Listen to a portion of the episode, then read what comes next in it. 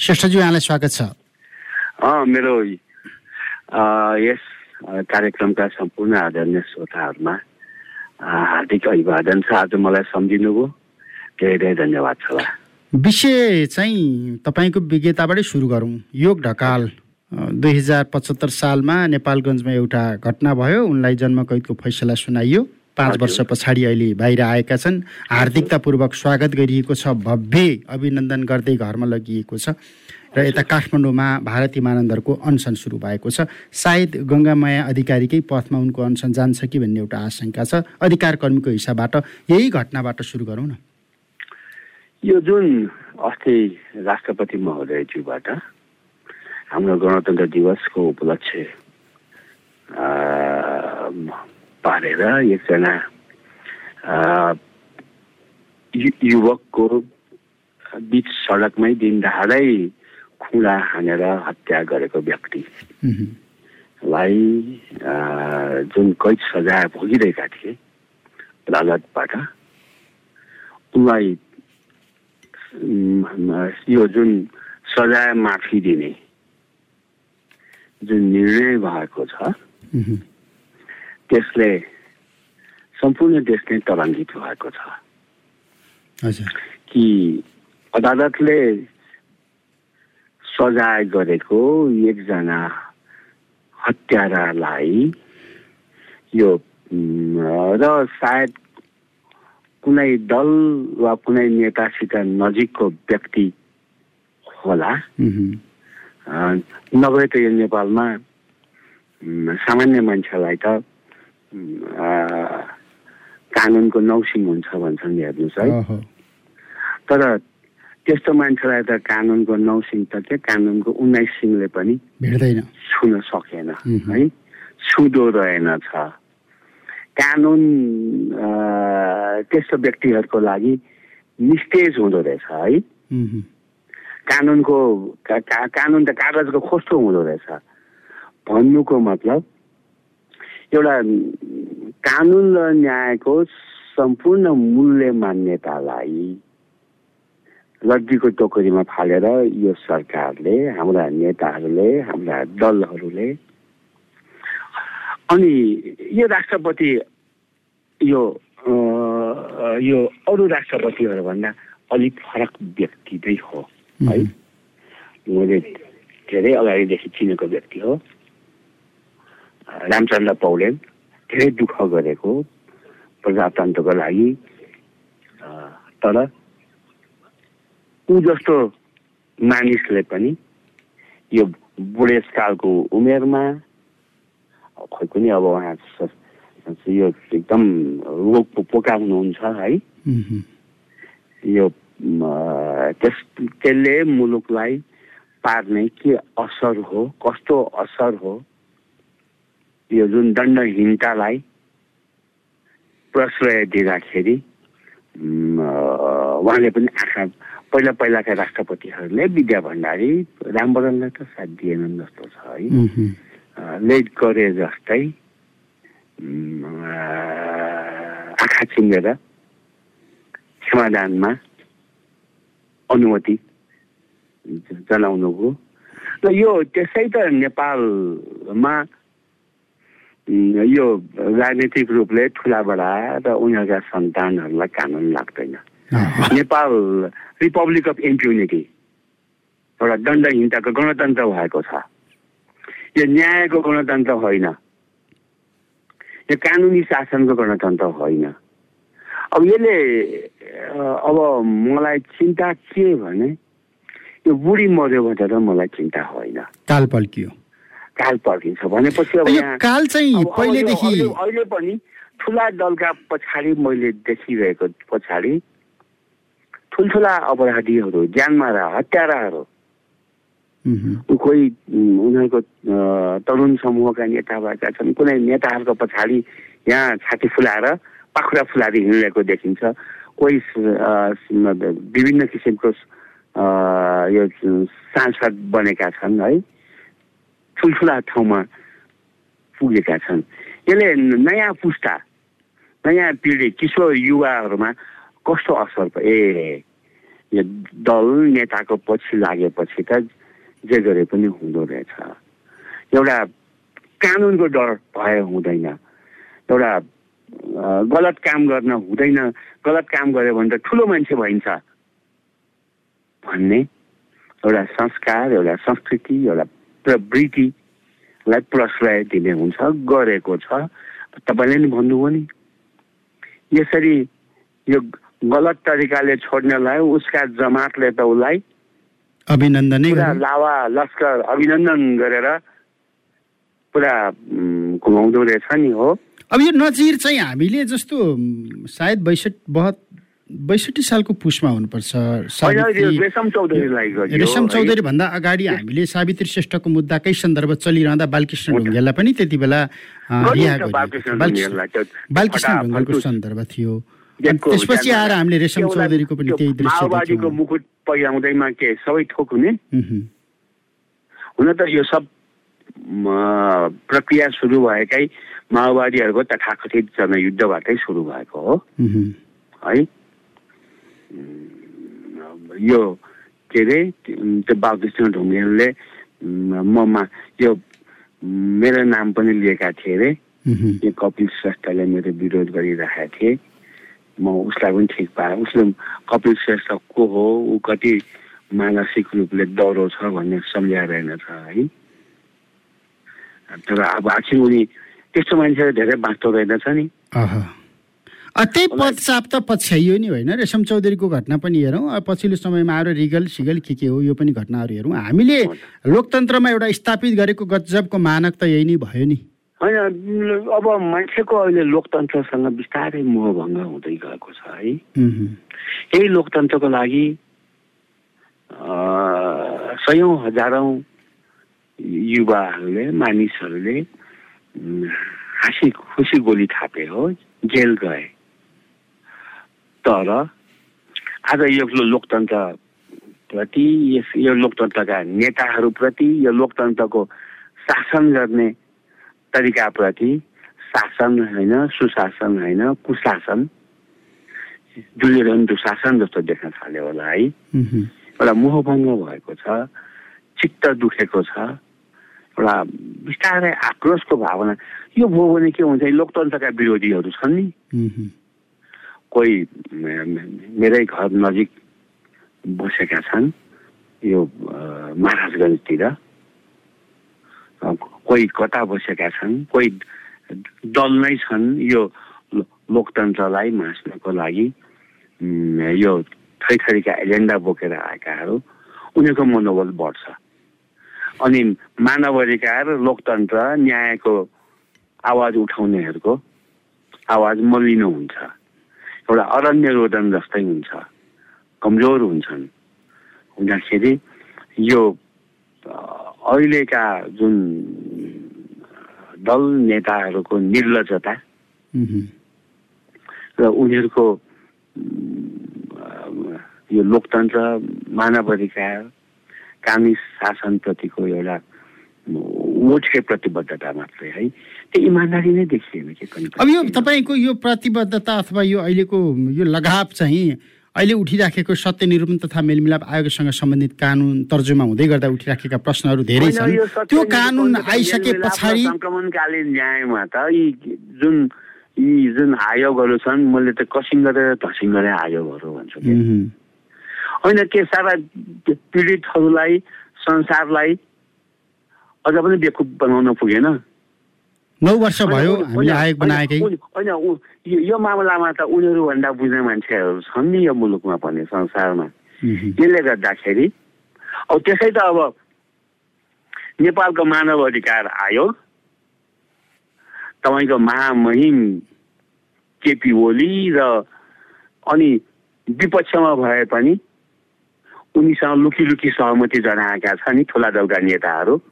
किनभने उनीहरूका उनीहरूका हनुमानहरूलाई यी मानवहरूका आयोग लगायत अरू आयोगहरूमा छिराउन पाएका छन् हो झोलेहरूलाई को कारणले राष्ट्रिय मानव अधिकार आयोग नेपालको एउटा दक्षिण एसियामा एउटा उत्कृष्ट आयोग गौरव थियो। त्यो समृद्धि जसोसुकै भए पनि है।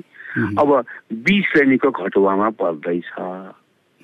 बिस मानव अधिकार आयोग बिस श्रेणीको घटुवामा पर्नुको मतलब यो मुलुकै बिस श्रेणीमा पर्दैछ हेर्नुहोस् है।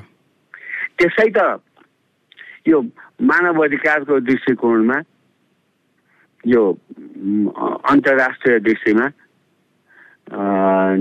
नेपालको छवि राम्रो छैन। छैन। र भएको छवि पनि गिर्दै गएको। किनभने चालिस सालपछि नै हामी देख्दैछौँ भने हाम्रा नेताहरू फन्टुस छन् क्या यी शब्दहरू प्रयोग गर्न नहुने हो है। तर म म पनि यिनीहरूभन्दा पहिलादेखि प्रजातन्त्र लोकतन्त्रको लागि लडेको हो क्या। र होइन भनेर कुन चाहिँ नेताले भन्नुहोस् त?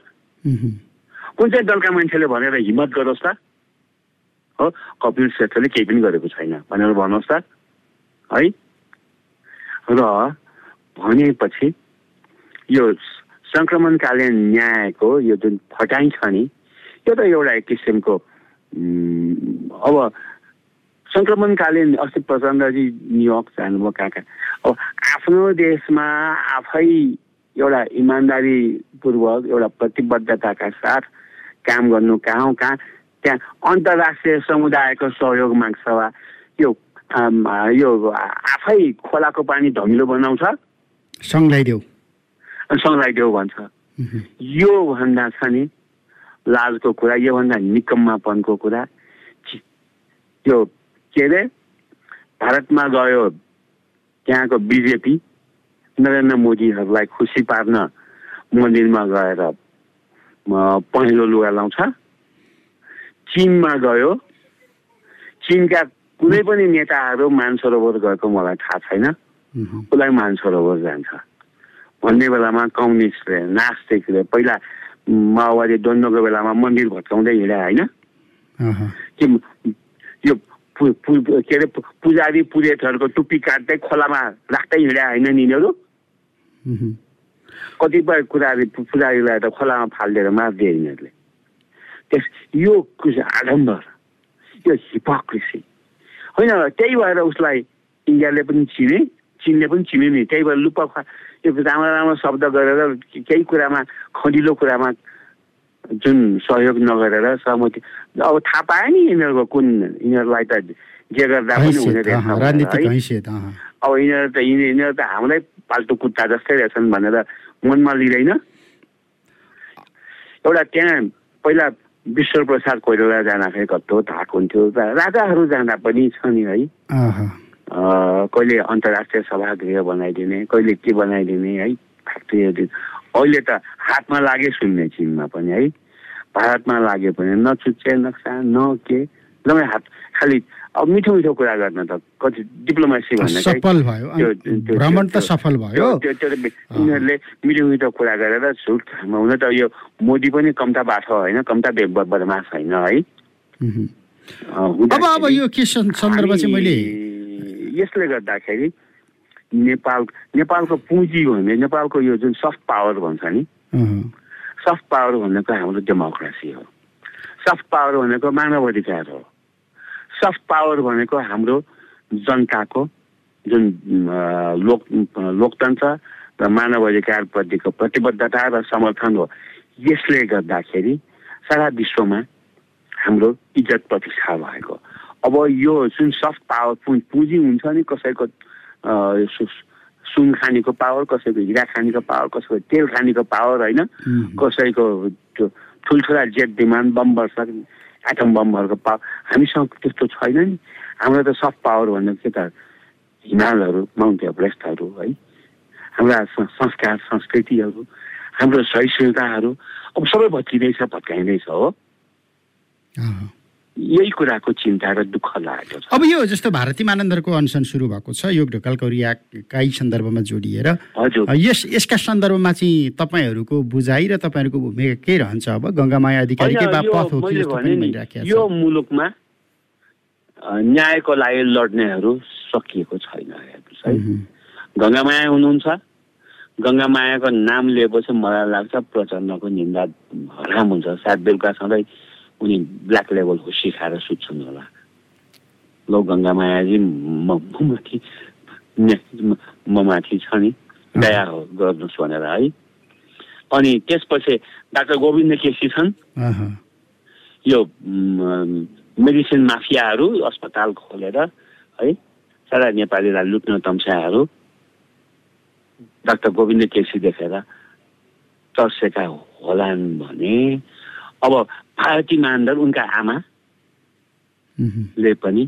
होइन जब मान्छेलाई अन्यायको हद हुन्छ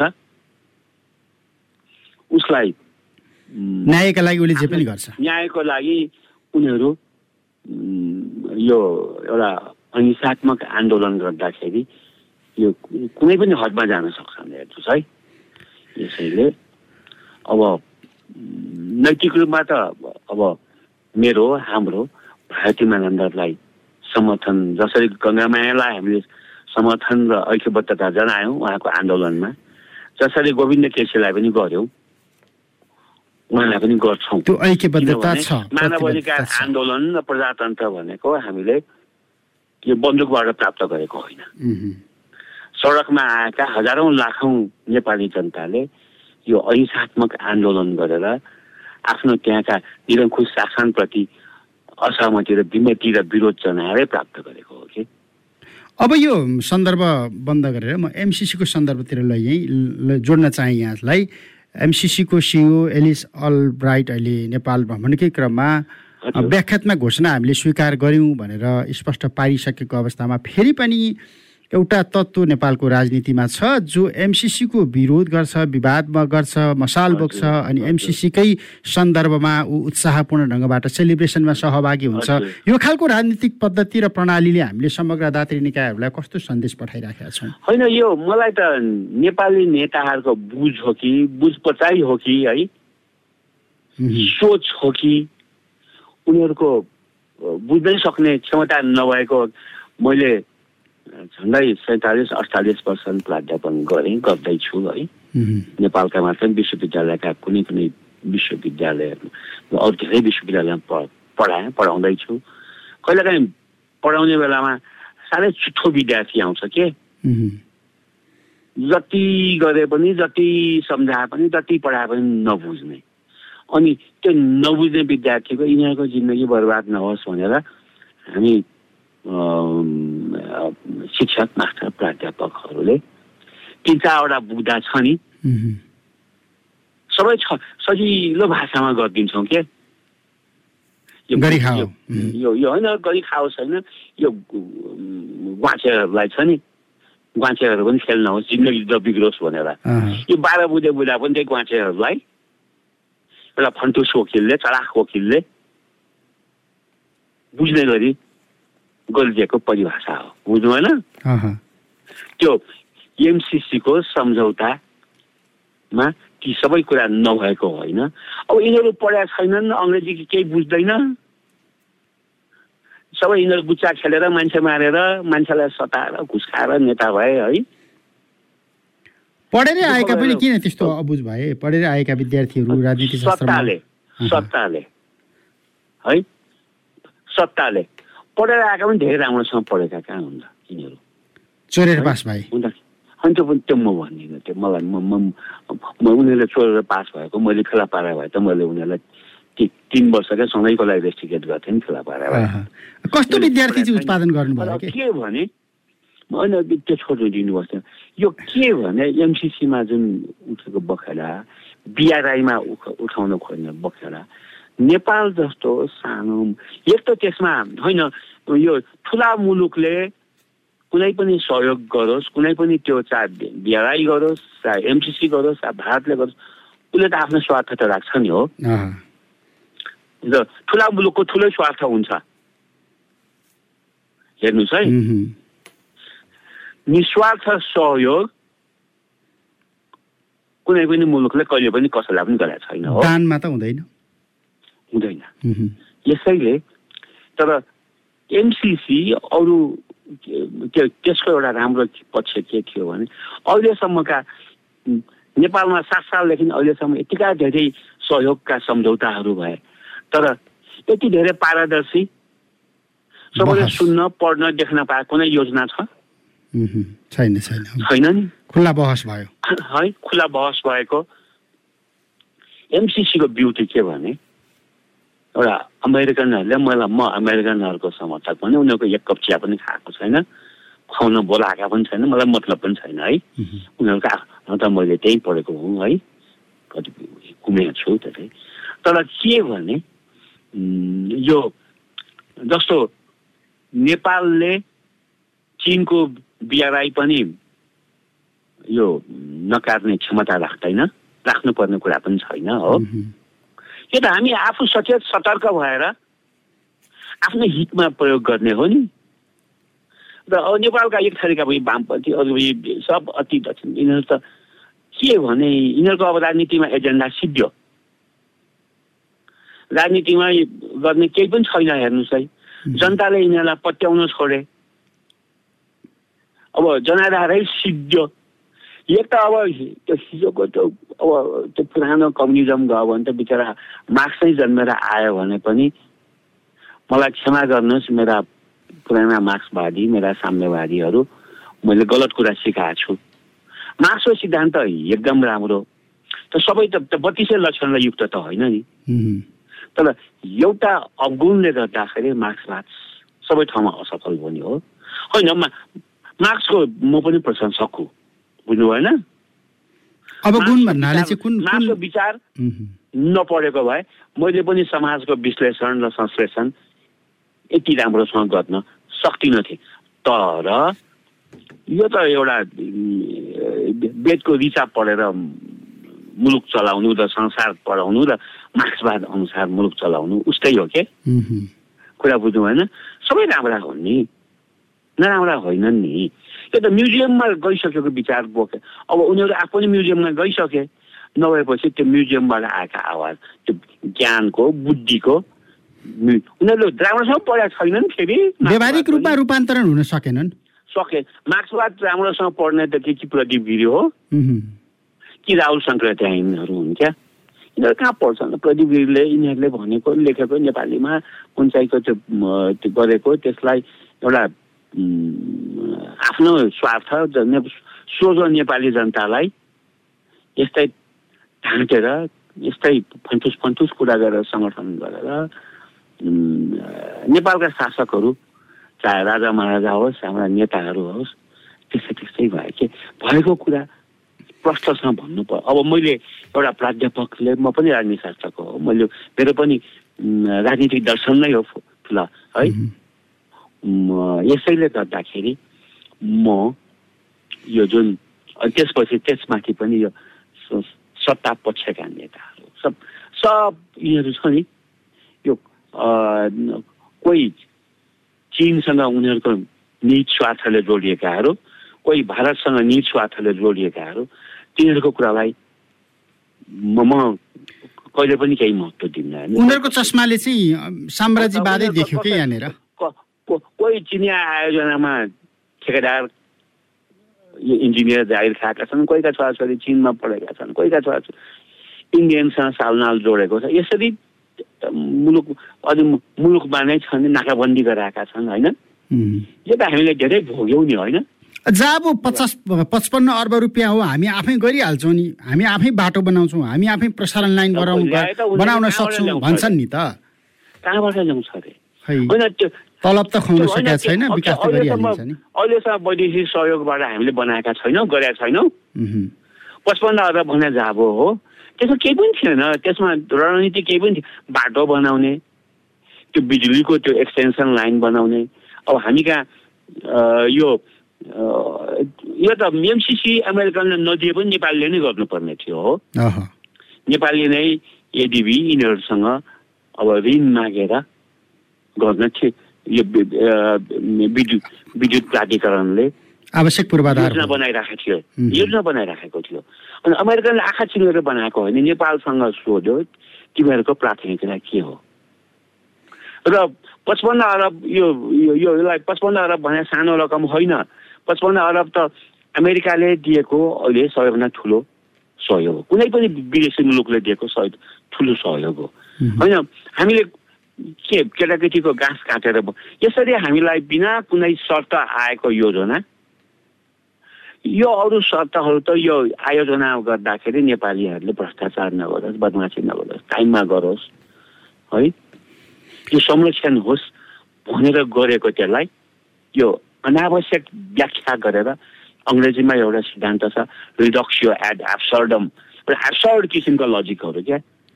जसको कुनै उत्तरै होइन तपाईँले हिसाब गर्दाखेरि यो भएको उत्तरलाई यो होइन भनेर तपाईँले जुनसुकै फर्मुला लगाए पनि त्यो हिसाब गडबड भएको हिसाब मिल्दैन हो तपाईँले केटाकेटीमा गर्नुभएको होला नि हिसाबहरू एलसिएमहरू के के सिम्प्लिफिकेसनहरू है प्लस हुने ठाउँमा होइन यो माइनसै हुनपर्छ गऱ्यो भने कहिले उत्तर निस्किन्छ मिल्दैन ल यसले गर्दाखेरि नेपालको विश्वसनीयता